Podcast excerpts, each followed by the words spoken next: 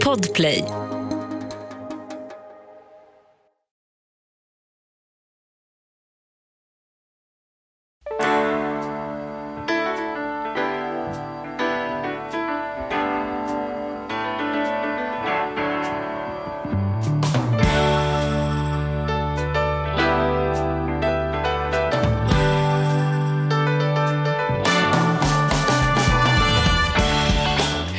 Välkomna till Ekonomi på riktigt med Charlie och med Mattias. Hur är läget Mattias Andersson? Det är förträffligt. Är det så? Är det Ja, en ja. ny klocka idag eller? Nej, nej, nej. Är det nytt Oj. armband då? Nej. Nej, det bara kändes Det nytt är på bara, något sätt. ja, vad kul att du noterade. Ja. Nej, men eh, Mm. jag är i Jag hade form. ju fel då i och för sig. Men det, Ja. ja. Nej, men jag är i bra form. Ja. Eh, mörkret kommer och eh, jag gillar det. ja.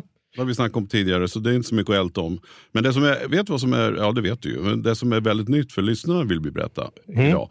Och det är att vi just har en lyssnare som har hört av sig till oss. Äntligen som, har vi en lyssnare! En lyssnare! 300 avsnitt. Och det är jobbigt för nu blir ja, precis, det blir ingen som lyssnar där ute. Nej. Vi, vi är så glada och stolta därför att eh, Robert då har hört av sig till oss och eh, har lyssnat på vår podd sen i princip begynnelsen. Ja, hur är det Robert? Hej och välkommen! Du får en sån här liten klassisk Ja, men vi Ekonomi på kör en introduktion här också. Robert Salin, varmt välkommen.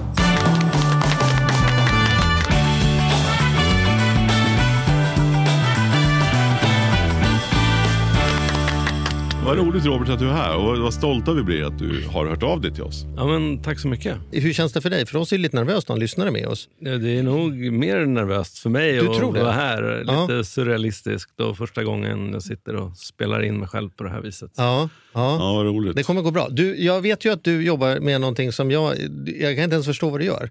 Vad var titeln nu? Säg en gång till. Ja, för men precis. Titeln är egentligen förvaltare konstbyggnad, vilket låter ännu märkligare än det jag sa nyss. Då. Ja. Men eh, broförvaltning. Jag är ansvarig Du har hand om broar? för, ja, precis. Jag är ansvarig för drift och underhåll av broarna i Huddinge kommun. Det är inte du som, som säger att nu ska det byggas en bro, men när väl bron finns. Jag tänker till exempel på där vid, vid Länna, där har du ju en, en, vad heter bron där, den stora höga. Ska du gå igenom alla bror? Nej, men jag tänker, för du pratar om att du kommer från alltså, i Huddinge kommun. Jaha. Och då tänker jag, ja där ligger ju inte riktigt Länna. Men alltså jag bara menar, Du när det pratar finns om den en- nya Skurubron. Skurubron. Ja. Skurubron tänker jag. Och vi, vi tar bara den som exempel. Mm. Om Skurubron finns där, då är det du som ska se till att den där står kvar där och sköts och Eller? underhålls. Vad, hur Ja, driftar kan man en bro? Just liksom? den är ju Trafikverkets ansvar. Men vi kan ta ett annat exempel som ligger i Huddinge. Det är den här nya trafikplatsen Lindvreten som Trafikverket bygger den. Men delar av den kommer ju också tas över av Huddinge kommun. Då. Och då blir det mitt ansvar. Då. Men vad gör du? Du är ju inte där och putsar på den. Och, och, och, eller liksom så här, hur driftar man en bro? Vad, liksom, vad, vad, vad är det en onsdag? Man tänker, har man byggt den står den väl där i hundra år? Vad är frågan? Liksom? Nej men precis. Så att, det kan vi göra ett helt avsnitt om. Då. Men eh, väldigt kortfattat så finns det ju ja, vad ska jag säga, det finns förutbestämt underhåll som jag kallar det. Och så finns det tillstyrdsbestämt underhåll. Om bron går sönder så åker vi dit och lagar den. Det kan. Okej. vara en påkörningsskada på ett räcke eller något ja, som händer plötsligt. Mm. Förutbestämt underhåll är mer så här, vi åker dit och inspekterar den med ett jämnt intervall, oftast vart sjätte år så länge det inte har hänt något konstigt. Och vi är där och spolar av bron från salt och annat, liksom Mhm. grus efter vintern och lite sånt där och gör rent broarna varje år. Men sen är du också intresserad av ekonomi. Ja, Och du är inte höjdrädd uppenbarligen tänkte jag. eh, nej precis. Jag började som broinspektör, men det Oj, var jävlar. ganska länge sedan. Ja. Det killar mina fötter. Jag var inte så länge sedan jag var uppe i Övik och då åker man ju Jävlar, över Höga Kusten. Örviken Jag vet, men då åkte jag över Höga Kustenbron. Mm. Och då har jag sett att det finns en, en video på Youtube där en kille springer upp, olagligen då, springer upp för de Sånt här. får jag stänga av. Jag klarar inte. Och, inte. och, och alltså jag blir så pirrig. Alltså det skär i mina vrister Jag får och så hela varje gång jag ser den typen av klipp Ja. också. Kan jag säga. Är det sant det här som man hör att när man bygger en bro att man bygger in sprängladdningar ifall det blir krig så vi kan liksom trycka på en knapp och ta bort alla broar?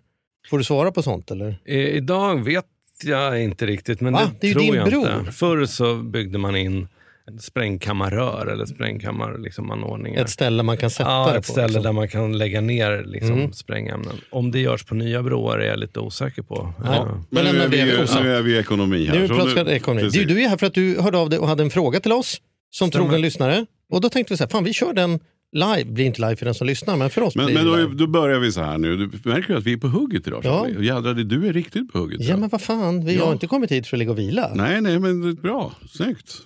Jag vill bara då säga så att vi, för nu kommer det bli en skön diskussion, för vi har ju nämligen också veckans, vad ska vi säga, riktiga gäst. Ja, en, veckans en expert. Expert också, inte bara en gäst utan en expert. En eh, mycket eh, tung herre, alltså då menar jag tung i branschen herre, som har gjort sina år inom ekonomi. Så att vi säger varmt välkommen till Lars Henriksson.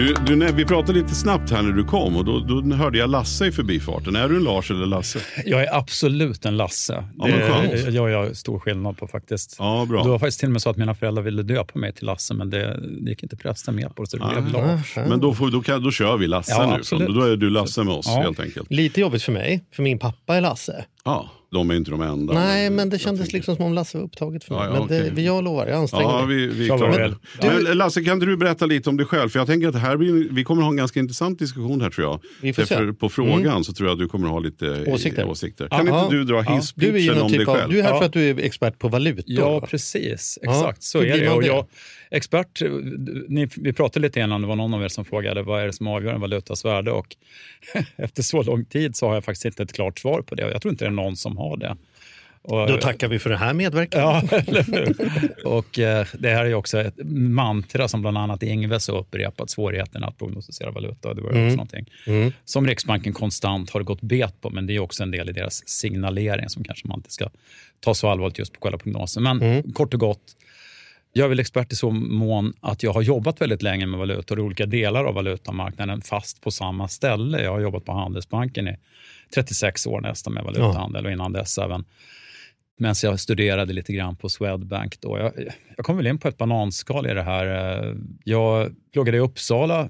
Pappa tjatade på att jag skulle börja studera. Själv ville man ju mest löka runt, tjäna lite pengar på restauranger och åka på lite mysiga resor och sånt. Mm. Men eh, jag är tacksam till honom för det idag. Och jag läste ju då vanliga ekonomlinjen i Uppsala. Tyckte väl att det var helt okej, men inte jättespännande. Redovisning och revision som fördjupning. Det, det var ingenting jag kände mig lockad av. att sitta och, och liksom dra ihop siffror som andra. Det kanske är er bakgrund, jag vet inte. Nej, inte alls. Vi har mer Nej. den första. Ja, löka runt, Ja, ja, nej, löka jag- runt till vad resor närmare. Jag säger inte att ni ser tråkiga ut. Nej, nej, nej. Nej, det var bra att vi fick det klart. Ja. ja, ja. Men i alla fall, Ja. eh, och jag hade en vän då som hade en kusin som var personalchef på, på Sparbankernas bank och fixade ett sommarjobb åt mig Mm. som blev lite av ett deltidsjobb. Och det var på en valutahandelavdelning och det var det som fick upp ögonen för det här för mig. Ja, Och du ser.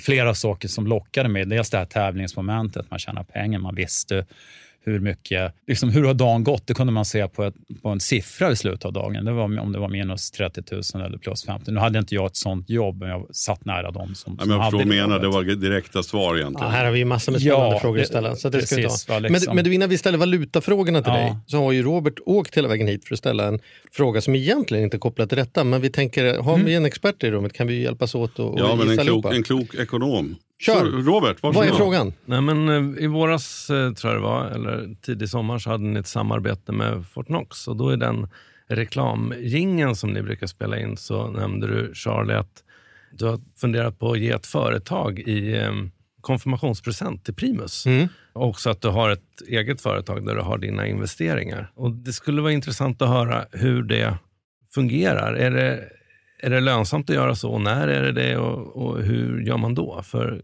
googlar man på det eller söker på andra ställen så är det svårt att hitta klara svar tycker jag. Ja, vad härligt. Du kommer inte få några klara svar här heller, men vi kan hjälpas åt att tänka. Hur tänker du Mattias? Ja. Måste man ha en verksamhet för att Jag, ha jag ett vet inte litet om du bolag? noterar att Robert sa just att du hade en åsikt och sa det här. Ja, men det, jag, jag tänker att det kommer ju. Det, men Ja, ja, du får en chans att med en liten stund. få. Jag vill börja med att säga att vi hade ett avsnitt väldigt tidigt. Jag borde ha gjort läxan här och nu och sagt vilket nummer på avsnittet. Men det var i början när vi hade ett liveavsnitt med en revisor från Grant Thornton som var med. Mm. Som är en, verkligen en driven person i just bolagsbildande. Och vi hade den, så där kan man hitta säkert ännu klokare svar, ännu mer fördjupning. Så det är ett tips till lyssnarna och även till dig då Robert, att gå tillbaka. Det är länge sedan. Men, men man kan gå in på vår sajt där man kan söka på begrepp. Där kan man Ja, söka på revisor. Precis, gå in på charlieochmattias.se så, Mm. så hittar man det där. Men, nej, men för mig är det ju så, jag har ju en son också som är lite äldre nu och han börjar ju göra en, vissa, utföra vissa tjänster. Han har hjälpt till på just en bokföringsbyrå med saker. Han har hjälpt till med lite ja, med andra saker. Istället för att han då blir anställd. Jag kommer också från en värld där jag, har, där jag jobbar som agent och, och representerar väldigt många små ägarledda bolag. Och många som inte alls är särskilt intresserade av företagsekonomin i sig utan de är duktiga på att spela gitarr eller duktiga på att sjunga eller är duktiga på att skriva böcker.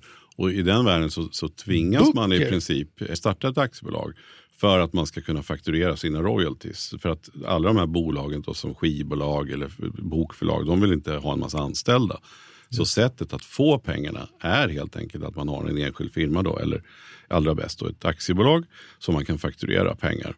Och låt säga att det periodvis går bra för en, om man, om man har ett sidouppdrag eller om man nu har det som huvuduppdrag, så är det ju så att man behöver ju inte då som aktiebolag skatta för mer pengar än vad man behöver ta ut.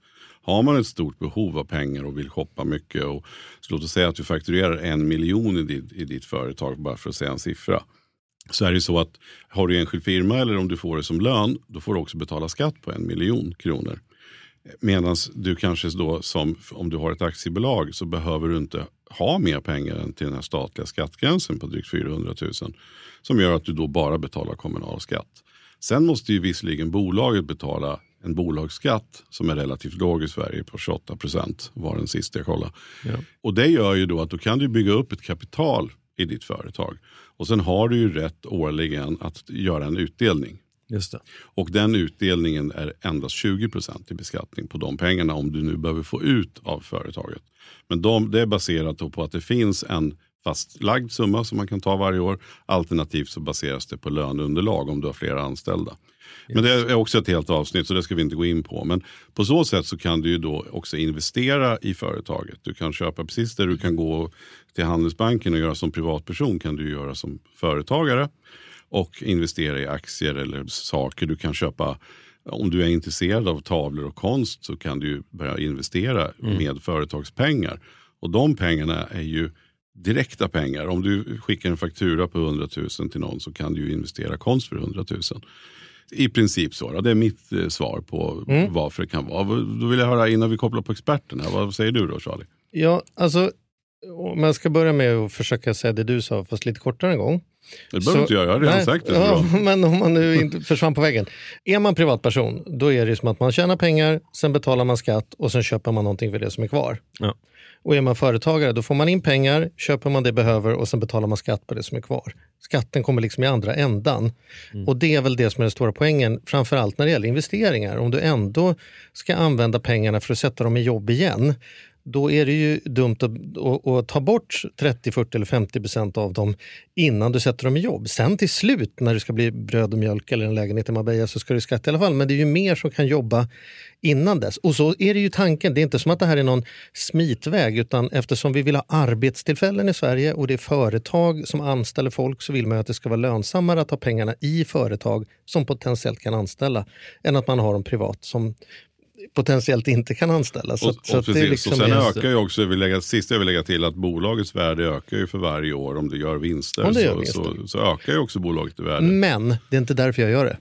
För mig är det därför att jag har en pedagogisk ådra och det här är inspirerad av en kollega till mig. att Det är så mycket, mycket är det inte, men det är en del krav på hur man ska ha det när man har ett bolag. Det måste vara ordning och reda på ett sätt som det inte behöver privat. Och det gillar jag. Vårt lilla bolag som vi har våra investeringar i, jag och min fru, det är årsbokslut, det är halvårsbokslut, vi ser hur mycket tillgångarna vi är, vi ser om det är några skulder, vi ser vad vi har råd att ta ut i lön eller inte ta ut i lön eller vad vi ska ligga kvar. Och det blir liksom mer ett riktigt möte. Det måste ju vara styrelsemöten och grejer. Och man, istället för att säga till sonen så här att ja, men det finns pengar kanske till en lägenhet någon gång där borta på något Avanza-konto eller mormor har satt undan lite, som blir lite abstrakt och lite svårt. Det som jag tyckte var kul med tanken på att ge honom ett bolag, då behöver han vara med på styrelsemöten, det behöver upprättas, han behöver kunna förklara vad är de här, hur mycket har aktierna vuxit eller har de, har de tappat, vad beror det på? Vidare? Så det blir som en liten skola Eh, en ordning och reda-skola. Och sen sist men inte minst, det som du var inne lite på indirekt, att man får en, en, orientering i huvudet, att man inte blir så rädd för det här med företag eller eh, bokslut eller liksom investeringar. Att man, man det blir lite avdramatiserat. Om man börjar med det när man är 17-18 om man tre år senare då tar något extrajobb parallellt med att man går i skolan och man kan fakturera det, då kanske man inte blir så här, nej för fan det där verkar så svårt farligt. Utan och förstår man, också, se, förstår man skillnaden på resultat och balans, vilket också en, en, kan man den ganska tidigt. Det har man nytta av i alla områden. Men då tänker jag också, Handelsbanken har ju en, nu vänder jag mm. mig till experten här. Ja. Och då tänker jag så här att Handelsbanken har ju också extremt många företagare. Ni, mm. Det är ju, ja verkligen antar jag, jag kan inte procenten men jag vet att ni har extremt många företagare i Handelsbanken. Har ju rykte av som företagarvänlig bank i alla fall. Ja, så får man säga. Mm. Och då undrar jag, nu när du ser det här, även om det inte är ditt expertområde, men vad, du, är ändå, du, ja. Fansan, du är ju i den här miljön. Liksom. Du är en människa ändå. Hur ja, tänker du? Nej, men jag skulle säga, för min del, mitt inspel till den här diskussionen är väl snarare att jag efter att ha varit löneslav, jag har aldrig haft ett eget bolag i hela mitt liv, då, men har varit löneslav så länge som jag, men man, jag man har bra pensionsfördelar om man är anställd på Handelsbanken har jag hört. Absolut, det, det, det har varit fantastiskt bra. Men jag ser inte mig själv sluta jobba nu, då, utan men jobba vidare i någon egen form. Då. Så att jag har väl förhört mig lite grann om, och jag tycker det var väldigt intressant det du sa, det är också vad jag fått för mig är fördelarna med ett aktiebolag framför en enskild firma till exempel. Men sen är det väl också så att ska man ha ett aktiebolag då bör det ändå finnas lite aktivitet i det för att det ska vara någon mening med det. Och, och, och dels så ska man ju in med ett eh, aktiekapital som ju nu är sänkt till 25 000 mm. i och för sig, mm. Minimibelopp. Men har man liksom ingen rullians i det, inget kapital som man gör investeringar för, eller i alla fall skapligt mycket uppdrag som man kommer upp i plus 100 000 om året, då mm. kanske det inte är jättestor mening med att ha ett Nej, och sen är det också så att man ekonomiskt får inte... är det nog ingen nej, större mening, nej, men det nej, kan finnas andra mm. jo, ja, man, pedagogiska man, Jo, men en viktig grej är också att man får inte... Vi säger nu, Robert, att du skulle så här, göra en snacka med Huddinge kommun och säga så här, kan inte jag få fakturera mitt arvode? Om du inte gör någonting annat än att, att fixa broar, då, då, skulle Skatteverket anse att det här är ett anställningsförfarande. Okay, då får man inte, man måste ha fler än en uppdragsgivare i ett mm. aktiebolag. Man kan inte bara ha en att fakturera till. För, för då, då är det just att det finns ju skattefördelar. Och det, annars skulle ju nästan varenda människa gå och starta ett bolag. Så det vill ju till, det kanske är en gräns som, som Lasse sa här att det är 100 men du måste åtminstone ha fler uppdragsgivare. Sen kan ju det variera under året. Något år kanske man bara har en. Men, men annars så kan det anses som skattefiffel rent ut sagt. Så att det är också någonting som jag vill att man beaktar. Mm. Ja, men jag funderade också på det här med, eftersom du nu funderade på att ha det till primus. Liksom, mm. för att Det är klart att han kan jobba extra lite och sådana saker, men det, det blir ju inga höga liksom, omsättningar eh, direkt. Så att, eh, jätteintressant att höra liksom, den här ja, men, uppfostrande eller liksom bara erfarenheten av att driva bolag och faktiskt, som du säger, bara få koll på plus och minus i, mm. i kassan. Mycket tydligare än vad det blir mm. i vanliga fall. Och vi har ofta sagt så här, man pratar ofta om de här att man ska på konferenser och man åker på möten. Det har ju varit någonting som du har pratat mycket om Charlie. Mm. Här, att, att vi också då som, som vi har försökt att, att få, och när jag ger råd till mina klienter, att man faktiskt, eh, och så har det blivit ibland, när klienterna kommer då till min före detta bokföringsbyrå som min, min fru hade då, så var det verkligen som att man såg, även om det handlar om privatekonomi, att man faktiskt sätter sig ner och gör ett bokslut. Alltså att man, man sätter sig och tittar på det. För att det där är svårt att få gjort hemma. Man, så här, det rullar på i vardagen. Mm. Mm. När ska man sätta sig och ta en heldagskonferens? Man åker gärna på företagets konferenser. De åker man på och går igenom siffror som man håller på att somna. Men på ens egen privatekonomi gör man ju aldrig den typen av bokslut. Så här, nu i helgen ska vi sätta oss och titta över alla våra avtal vi har med alla eh, streamingtjänster, våra elavtal, våra här, att just sätta sig ner och titta på intäkter, kostnader, alltså göra mm. en budget. Oavsett enkelt. om man tycker det är bra eller dåligt. Ja, så här, ja, ja men, så man får ja, koll. det här är fair. Ja. Jo, men frågar du någon som gör ett bokslut, så här, ja, hur har det gått? Nej, men jag är klar med bokslutet. Och så frågar jag, gick det bättre eller sämre än förra året? Då kan alla svara. Men när du har deklarerat, när du säger nu har deklarerat klart, mm. så frågar dig, hur gick det då? Gick det bättre eller sämre än förra året? Då är det så att det har inte ens reflekterat, jag har bara fyllt i rutorna, nu har Skattemyndigheten fått sitt. Så du får inte riktigt den där liksom, genomgången som man får när man lämnar in bilen på service. Liksom. Mm. Här, här, är grönt, här är grönt, här är grönt, här är det en tvåa. Liksom. Men Mm. eh, Ja, det var vårt svar. Jag Var har en, en direkt, nu har jag första frågan Ja. här direkt till Lasse. Nu, jag- Lasse, nu ska vi gå till och då jobbet. ska, jag, Mm. du ska jag blotta strupen lite grann här. Det var ju ett år då i början på 2000-talet när man fick rösta om man skulle gå med i EMU eller inte.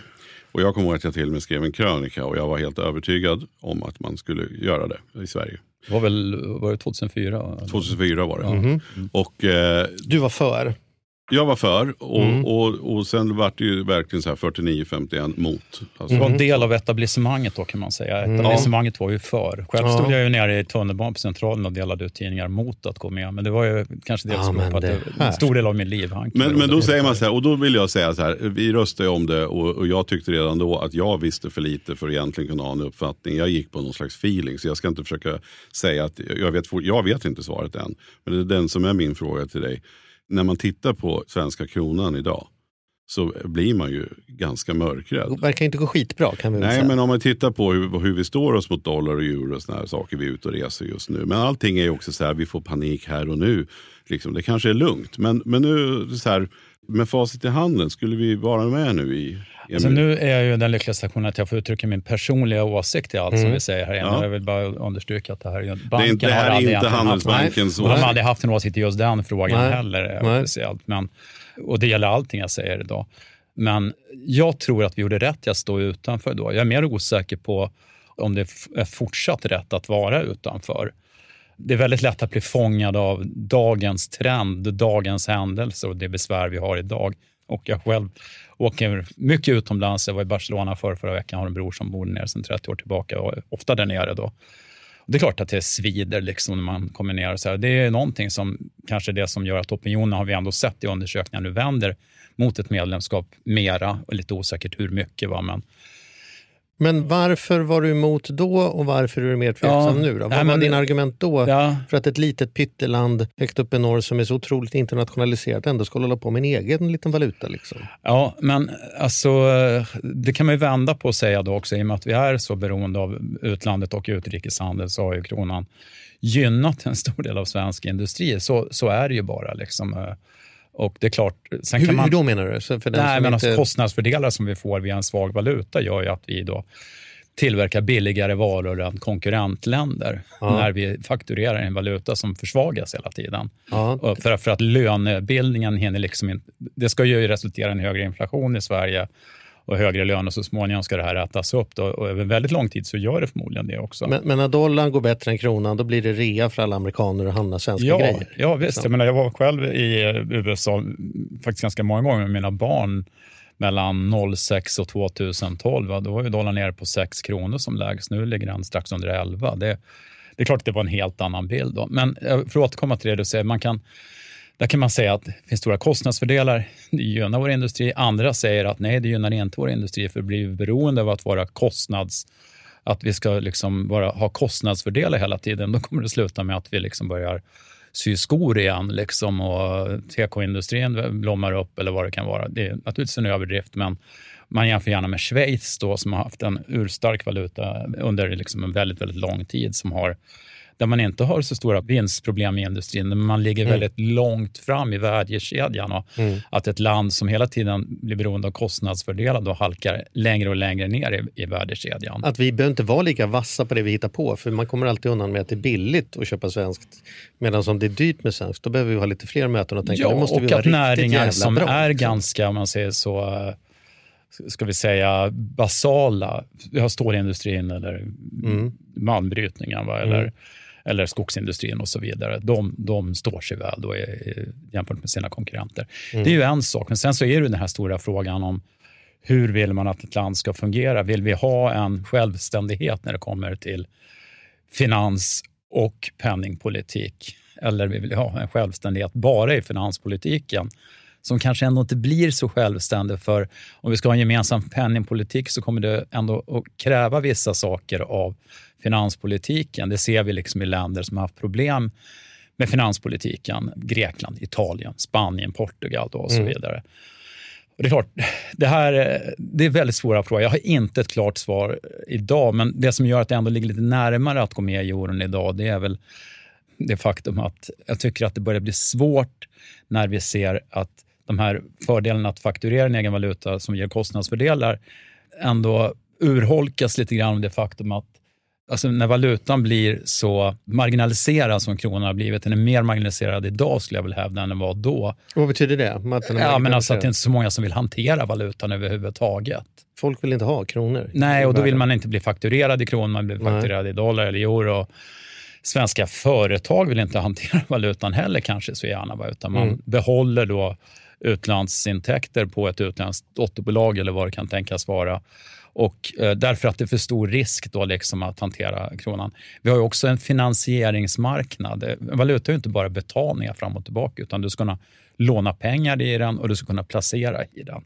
Lånar jag 100 000 kronor och sen så är det eurointäkter som jag betalar tillbaka det med och sen så halveras kronan, då är det dubbelt så mycket jag ska betala tillbaka plötsligt. Det blir liksom ja. enorm skillnad i...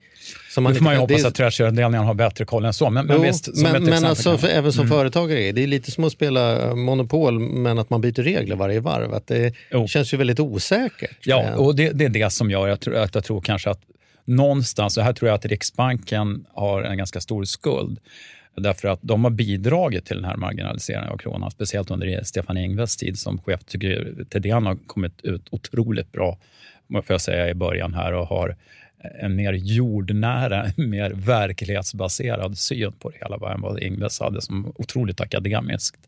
Eh, det är lån och det är också placering.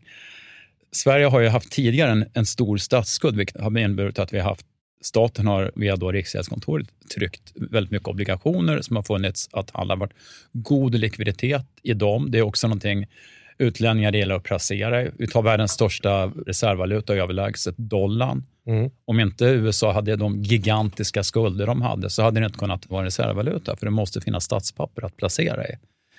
I Sverige har statsskulden gått ner väldigt mycket. Vi har idag en statsskuld på under 30 procent av BNP. Dessutom har Riksbanken då köpt upp halva statsobligationsstocken. Nu, så Sverige lånar inte så mycket pengar av andra länder längre och därför så blir det inte så mycket inflöde av andra Nej, det finns inte så mycket att placera i och omvänt mm. så finns det ingen stor lånemarknad för företag i mm. Sverige heller om du tittar på kortare lån och så vidare. Mm. Mm. Den vanligaste frågan jag skulle säga kanske man får vad det gäller svenska kronan, det är väl hur vi kan ha så svag valuta när vi har haft så stora bytesbalansöverskott och handelsbalansöverskott sedan mitten på 90-talet. Vi, För vi exporterar ju... mycket mer än vad vi importerar. Ja, men precis. Ja. nu mer tjänster än varor, men liksom mm. för det gamla merkantilistiska tänkandet som man pratade om förut, då, så var ju det en idealsituation. Det var som man byggde ett rikt land. Mm. Och man kan säga att det delvis är rätt. Va? Och vi har haft en väldigt, väldigt stark utveckling av det som man kallar för för nettoställningen mot utlandet, det vill säga de samlade bytesbalansöverskotten över tid gentemot utlandet. Eller våra tillgångar i utlandet relativt utlänningars tillgångar i Sverige, alltså våra skulder. Mm. Den nettoställningen är extremt stark i Sverige idag. Det Eftersom vi säljer mer än vi köper så har vi krav på pengar från dem mer än de har ja, krav på oss. Ja, vi får ju in då pengar och så vidare. Så att vi har tillgångar i utlandet som vida överstiger våra skulder till utlandet. Så var det ju inte innan devalveringen. Då hade vi jättestora utlandsskulder som mm. tickade. Mm. Kommer kanske ihåg. Men ändå, då, var, varför gör inte det att vi har gulddagar här? Då? Och Det här är väl kanske det som många har svårt att ta till sig. Vi sparar ju fruktansvärt mycket i utländsk valuta. Så att vi är ju rika i utländsk valuta på ett sätt som folk kanske inte tänker på. Våra AP-fonder har till exempel mellan 20 och 25 procents valutarisk i sina placeringar. Varför har de det? Jo, för att Sverige är en liten valuta. Och Det gör ju att våra importpriser påverkar inflationen mycket. Så att för att bevara pensionstagarens köpkraft när dagarna går i pension så vill pensionsfonder hålla en liten mängd valuta. Så, så man kan säga att vi binder ris åt egen rygg genom att det är inte bara att andra länder inte vill ha svenska kronan. Det verkar inte som vi själva vill ha svenska kronan utan vi tar hellre andra saker. Din del av problemet är att inte Ja, Sverige precis. sparar i, i, i En liten kronor. valuta, stort inflytande på inflationen från importvaror. Ja, ja. Det gör att pensionsfonderna måste hålla en ganska ansenlig mängd valuta. Det är en annan, helt annan situation än vad du ser någonstans med pensionsbolag i eurozonen, USA eller, eller Storbritannien. Så att, ja. och det här var någonting som kom igång när man det gick inte för livförsäkringsbolag, pensionsbolag och liknande att placera i utländsk valuta innan mitten, tidigt, mitten på 90-talet.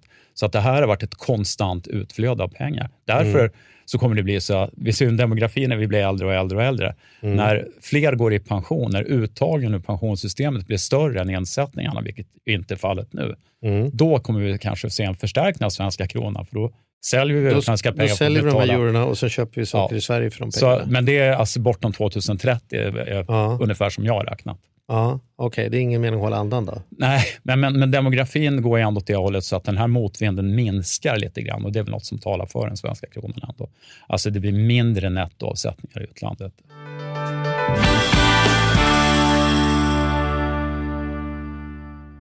Den här podden gör vi även den här veckan i samarbete med Saveland. Fan vad kul det är att ha dem med ombord. Mm. Jätte, jätteroligt. Ja, vi brukar prata om att man har något band som man såg jag stod Bo Kaspers jädrigt tidigt liksom, innan man gjort tv-debut. Och du har något hårdrocksband som du var jävligt tidig på. Ja, alltså jag var på, på Lilla Teatern Göta Lejon och såg Metallica Ja. 1984. Så gammal är jag. Och jag var i kontakt med Saveland när det fortfarande var typ tre, fyra personer där från början. När jag fick möjlighet att träffa dem. Eh, och nu är de ett stort bolag, fyller tio år, finns på börsen och jobbar helt enkelt med att vanliga privatpersoner och företag kan investera pengar eh, i eh, lån och krediter. Så man får riktigt bra ränta. Så eh, det rullar på efter tio år, bättre än någonsin. Fantastiskt kul att ha dem med här i podden. Gå in, testa, kolla. Vi har en kod som gör att om du öppnar ett konto och använder på riktigt får du dessutom en insättningsbonus just nu. Precis, och vill man veta mer så som sagt gå in på saveland.se. Man kan också lyssna på Ludvig som har varit gäst i vår podd två gånger. Då får Ja. man en ännu bättre inblick i Ja. vad, vad det är de pysslar med egentligen. Men eh, ja, saveland.se och stort tack. Ett poddtips från Podplay. I podden Något Kaiko garanterar östgötarna Brutti och jag, Davva, dig en stor dos skratt. Där följer jag pladask för köttätandet igen. Man är lite som en jävla vampyr. Man har fått lite blodsmak och då måste man ha mer. Udda spaningar, fängslande anekdoter och en och annan arg rant. Jag måste ha mitt kaffe på morgonen för annars är jag ingen trevlig människa. Då är du ingen trevlig människa, punkt. Något Kaiko, hör du på Podplay. Därför är gardinerna. Men hur kommer det sig att det går så extremt dåligt för svenska kronan nu då? Liksom, för det får man väl ändå påstå att det ser ju inget vidare ut. Och vi satt, Nej. för bara någon vecka sedan hade vi professor Micke Delén här som sa, lite kaxigt kanske, men att det är kanske dags att, att avskaffa Riksbanken i sin nuvarande funktion. Liksom. Det verkar inte funka.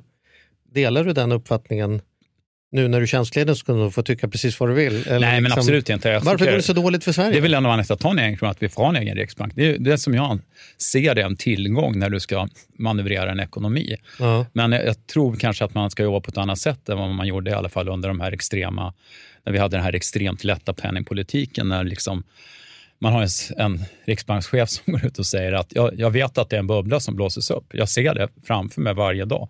Jag väljer ändå att blåsa på med ännu lättare penningpolitik för att det är inte mitt jobb utan det där är politikernas jobb. Mm. Och Det tror jag är en stor anledning. Alltså Riksbanken då är Ingves här. Nu är det så, Riksbankens mål är, de har ett inflationsmål, det är 2% Man var alldeles förkrossad när den var 1,5 procent istället för 2 Mer eller mindre ryckte man på axlarna till inflationen när den var 5% istället för 2% Den här reciprociteten, eller liksom, det finns liksom ingen som helst balans i, i tänket. för det- Nej, och då, och då blåses ju inflationen på något enormt och då får Ja. man istället höja räntorna för folk. Då, till, Ja, till, efter att ha sänkt, och när man sänkte så mycket som jag gjorde, hade så extremt lätt penningpolitik, då har man ju uppmuntrat folk att låna Ja. mer naturligtvis.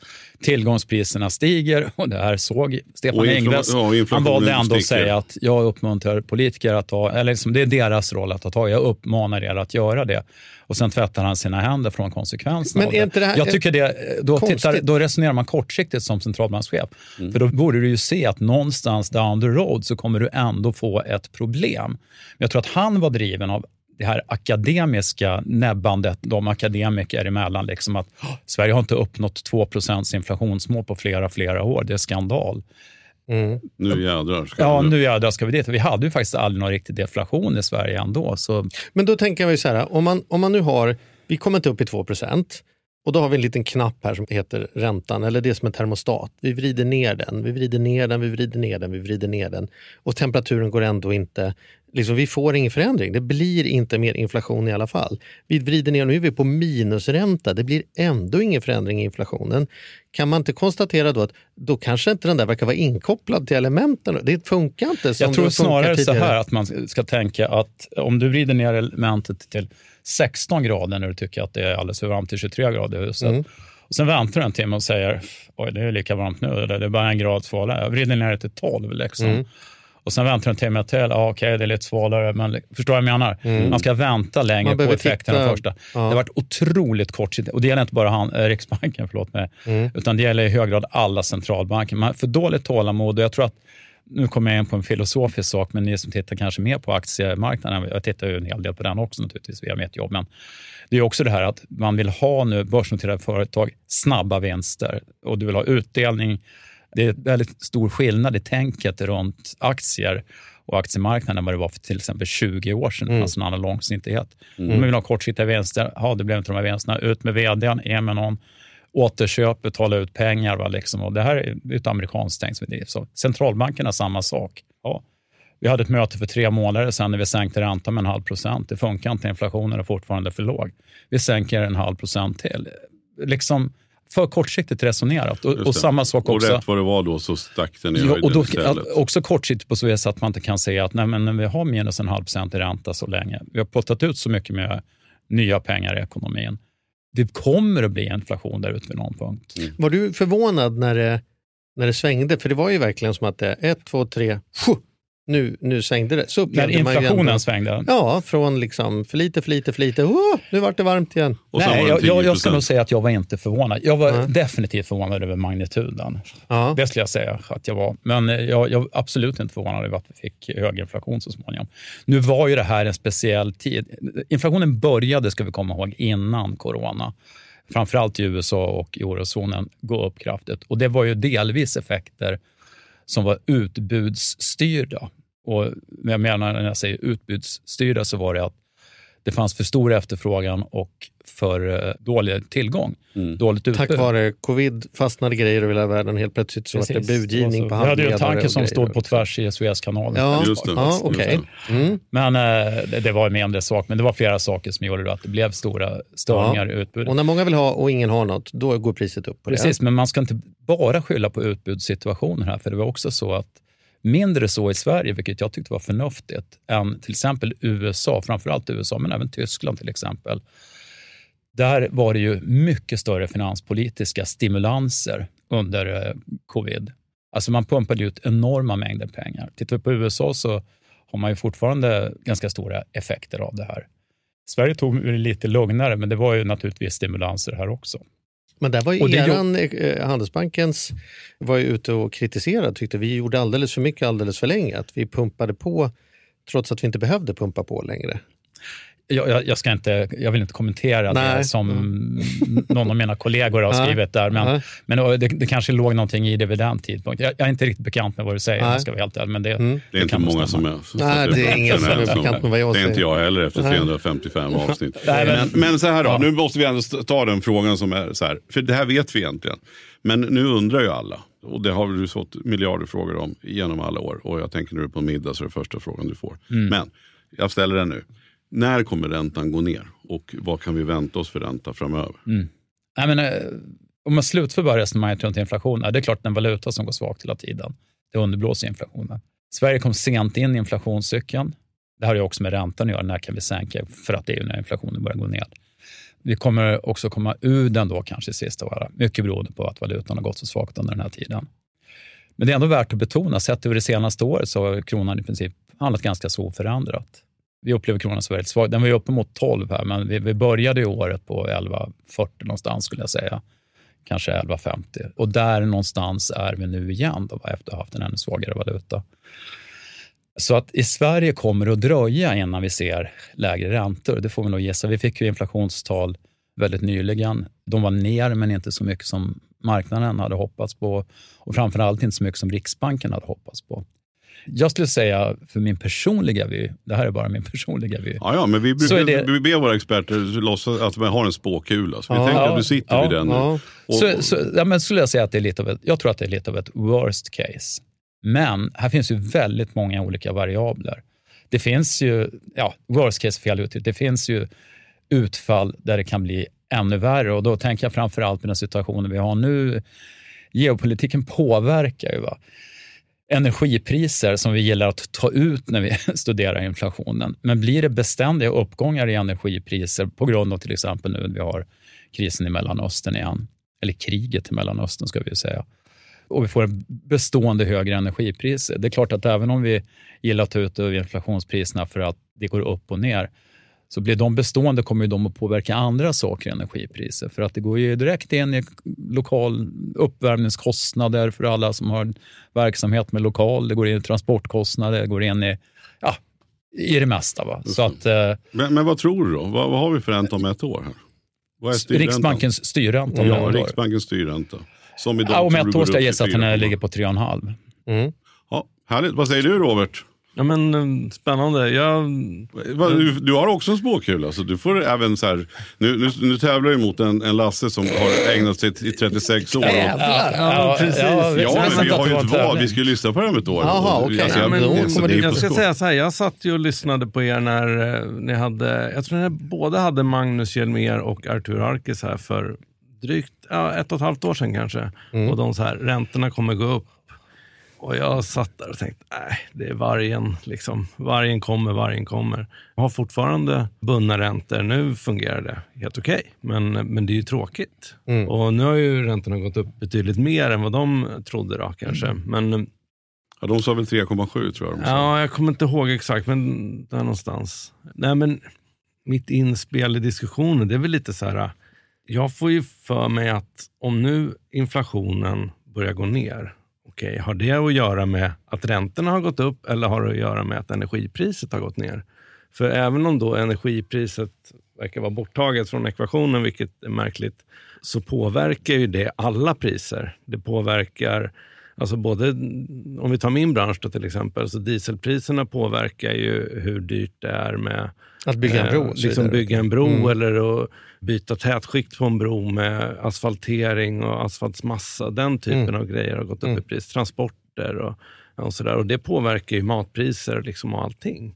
Ska vi att, eh, vända? Vad- så det tycker jag skulle Vi frågar Lasse, varför går det ner? Vad är det Nej, men, eh, jag- det var, det var, jag håller med dig 100 procent. Och det var det jag försökte beskriva också. En, energipriser tar man ut för att man ser att det går upp och ned. Men om man nu bestämde energiprisuppgång kommer det att spilla in på övriga delar av inflationen också. Sen en sak som är väldigt viktig, som man tittar väldigt noggrant på när man studerar inflation, det är naturligtvis lönekomponenten eller lönebildningen i största allmänhet. Nu har vi inte haft någon stor löneglidning som det ser ut i Sverige hittills. Eh, många löntagare har accepterat kraftiga reallönesänkningar.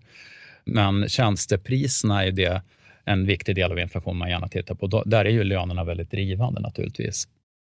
Tror vi att det kommer att hålla i sig? För jag tänker att om den breda medelklassen som, som äger sitt boende och bor i en storstad och jobbar Mm. på kontor eller vad de gör har 20 000 mindre i månaden att röra sig med när man har betalt boräntor och purjolök och grejer. Mm.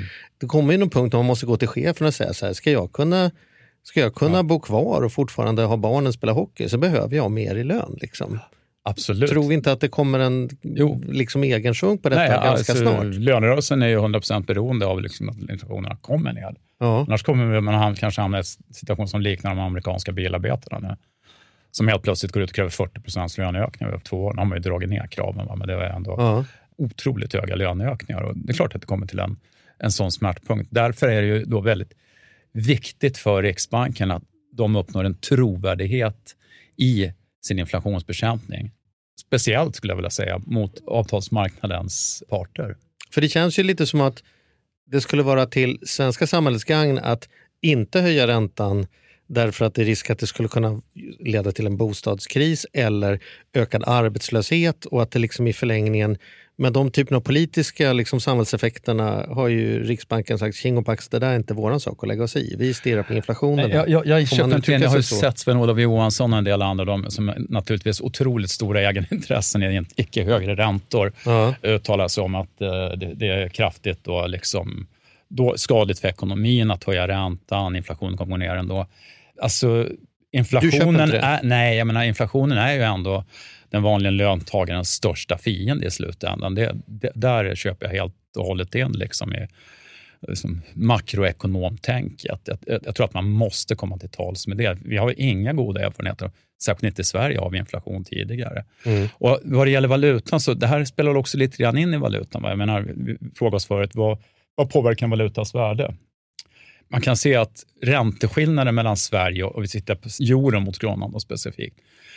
Ränteskillnaden mot euroområdet, har vi högre ränta i Sverige, nej, men då vill man kanske hellre hålla kronor än, än euro. Just nu är det ganska lika, Sverige har lite högre ränta. Men om vi har mycket högre inflation i Sverige än euroområdet, samtidigt som vi har ungefär samma ränta, nej, men då, då sitter jag på en valuta som tappar egentligen i värde långt mer snabbare än vad räntan kompenserar för. Därav då pratar vi om realränteskillnaden. Alltså. Mm. Vad är skillnaden mellan svenska räntan och euroräntan om vi drar av Inflationen. inflationen? Ja, hur mycket valutan försvagas, eller hur mycket köpkraften försvagas, inte valutan försvagas. Mm. Mm. Mm. Och, och det där ser vi ett klart samband med. Det, det har varit bästa förklaringsfaktorn under en lång period, får man säga. Jag brukar titta på tvååriga swapräntan, det, är en, det kan man säga en typ av marknadsränta. Och sen kompenserat för Eurostats mått på kärninflation, alltså exklusive energipriser, tobak och så vidare. Mm. Du, vi ska, vi ska avrunda detta, men jag, jag tänker om man sitter och lyssnar på avsnittet och är lite sugen på det här med valutatrading då? Du har ju ändå jobbat med det jättelänge. Det, nu lever vi ju tidigare. Vem som helst kan ju bara öppna ett konto och gå in och börja köpa olika valutor kors och tvärs. Ja. Hur lätt är det jämfört med aktiemarknaden, jämfört med annat? Är det någonting som du skulle liksom lära upp grannarna på det och sen så tjänar de 100 000 i månaden på att sitta och veta när man ska köpa euro, när man ska köpa yen och när man ska köpa dollar och grejer? Eller är det här liksom rena spådomsgrejen? Du sa ju att det går att mäta på dagsnivå och det är väldigt konkret. Och... Ja, alltså, eh, om jag ska vara helt ärlig så skulle jag rakt av vilja avråda från att eh, trada i valutor. Jag tror inte att det är, jag tror att det är för svårt för gemene man. Jag gör det i väldigt liten utsträckning själv också. Mm. Då har jag ändå jobbat som sagt 36 år med valutahandel och 8,5 år av, av dem som analytiker. Men visst kan man väl hoppa på det, men då är mitt råd, ska du handla valutor, då ska du handla sådana belopp så du är bekväm med ganska stora rörelser emot. Jag menar, jag har ju kompisar som tyckte att eurokronor var högt på 10,50 och sen är det nästan 12 då, liksom ett år senare. Och Sen tycker jag också att det är bra om du har räntan med dig, alltså räntekompensation. Om du är lång en valuta som har lite högre ränta, eller helst mycket högre ränta än den valutan du är kort, liksom över tid, då, så gör det ändå dig lite mer motståndskraftig mot rörelser. Men det är bra att du säger det, för man behöver inte googla så många minuter innan man får upp härliga YouTube-klipp på någon som förklarar att jag är bergsäkert att det kommer gå så här och det vet alla att det kommer Ja, bli så här, ja. precis som det är på börsen. Och då säger du så här, efter nästan 40 år i branschen, så här, Mm. stäng av de klippen och tro inte att det är där du ska tjäna pengarna, för att det är för hög risk. V75-kontot möjligtvis. Liksom. Då, Ja. då, då får jag säga som min, som min granne brukar säga. Mhm. Han säger så här, hästarna springer varje lördag. Ja, Nej, men, ja exakt. Det. Jag tycker det kan vara kul med trav, men, men, men eh, jag tror att... eh, Ja, men jag tänker sannolikheten att vinna kanske. Ja, Ja, ja, ja nej, men precis. Ja, Nu är ju trav bara vad är det, 72 procent tillbaka av insatta pengar. Valutamarknaden ger ju 100 procent och just på så vis kan man säga. Minus en spread där då, som kan vara växlande stor. Men, Ja. men gör det gärna då om du tycker, men gör det för att du tycker det är kul med de beloppen. Så att fort, ungefär som när man spelar på V75, som du, så att du tycker att det är kul liksom, och spännande. Inte som en pensionsplan. Nej, absolut inte. Och inte istället för att liksom ha en aktieportfölj eller någonting som också avkastar någonting då för det mesta kontinuerligt. Och jag kan också passa på att slå ett slag för Handelsbankens egna tv-kanal som faktiskt heter EFN.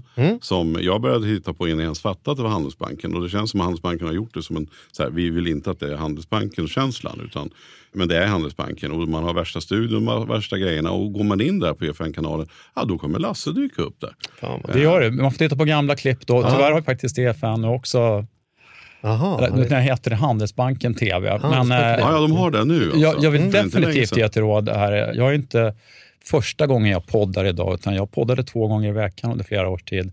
Vi har något som heter Morgonrapporten där. Det, det Ja. råder jag starkt alla att lyssna Ja. på. Ni som har lyssnat på den tidigare känner ni med- igen mig på min morgonhälsning. God morgon Macro-Lovers brukade jag säga när jag drog igång den här podden. Ja. Så Ja, eh, där finns det väl en Finns många 300-400 timmar avsnitt med mig. Men, men, man vill eh, lära då sig får man detta. innan klockan åtta på morgonen upp till mellan 7-8 minuter. Vad har hänt under natten? Vad har börsen har gått? Vad har det kommit för stora nyheter på marknaden och så vidare. Just det. Ja, Jag slår ett slag för den. Ja, men Ja, nice. det får du göra. Och, då, och, vi... ska passa på att säga tack till dig Lasse och så tack till dig Robert som bara dyker upp här. Vilken jävla service att ha en gäst som är här och ställer frågorna direkt. Om ni andra som sitter hemma hade tre följdfrågor, fick inte ställa dem nu för ni var inte här. Nej. Men om man är intresserad av att dyka upp eller man har en fråga, hur gör man då Mattias? Men då kan man dra ett mejl till charlie och mattias at gmail.com. Viktigt är att man skriver Charlie före Mattias, annars Ja, jag kommer man vet. inte Det är så det har blivit. Ja, Ja. det känns bra. Jag får leva med det. Ja, så är det. Stort tack för att ni kom. Alltså, Lasse, fantastiskt roligt att ha dig här. Och som sagt Robert, tack så jättemycket för att ni kom. Trevligt att vara här, tack. Tack. Jättetrevligt. Tack så jättemycket att jag fick komma.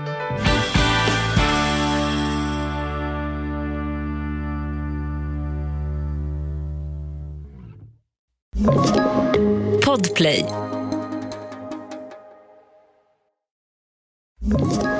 Ett poddtips från Podplay. I fallen jag aldrig glömmer djupdyker Hasse Aro i arbetet bakom några av Sveriges mest uppseendeväckande brottsutredningar. Går vi in med hemlig telefonavlyssning och, och då upplever vi att vi får en total förändring av hans beteende. Vad är det som händer nu? Vem är det som läcker? Och så säger han att jag är kriminell, jag har varit kriminell i hela mitt liv men att mörda ett barn, där går min gräns. Nya säsongen av Fallen jag aldrig glömmer på Podplay.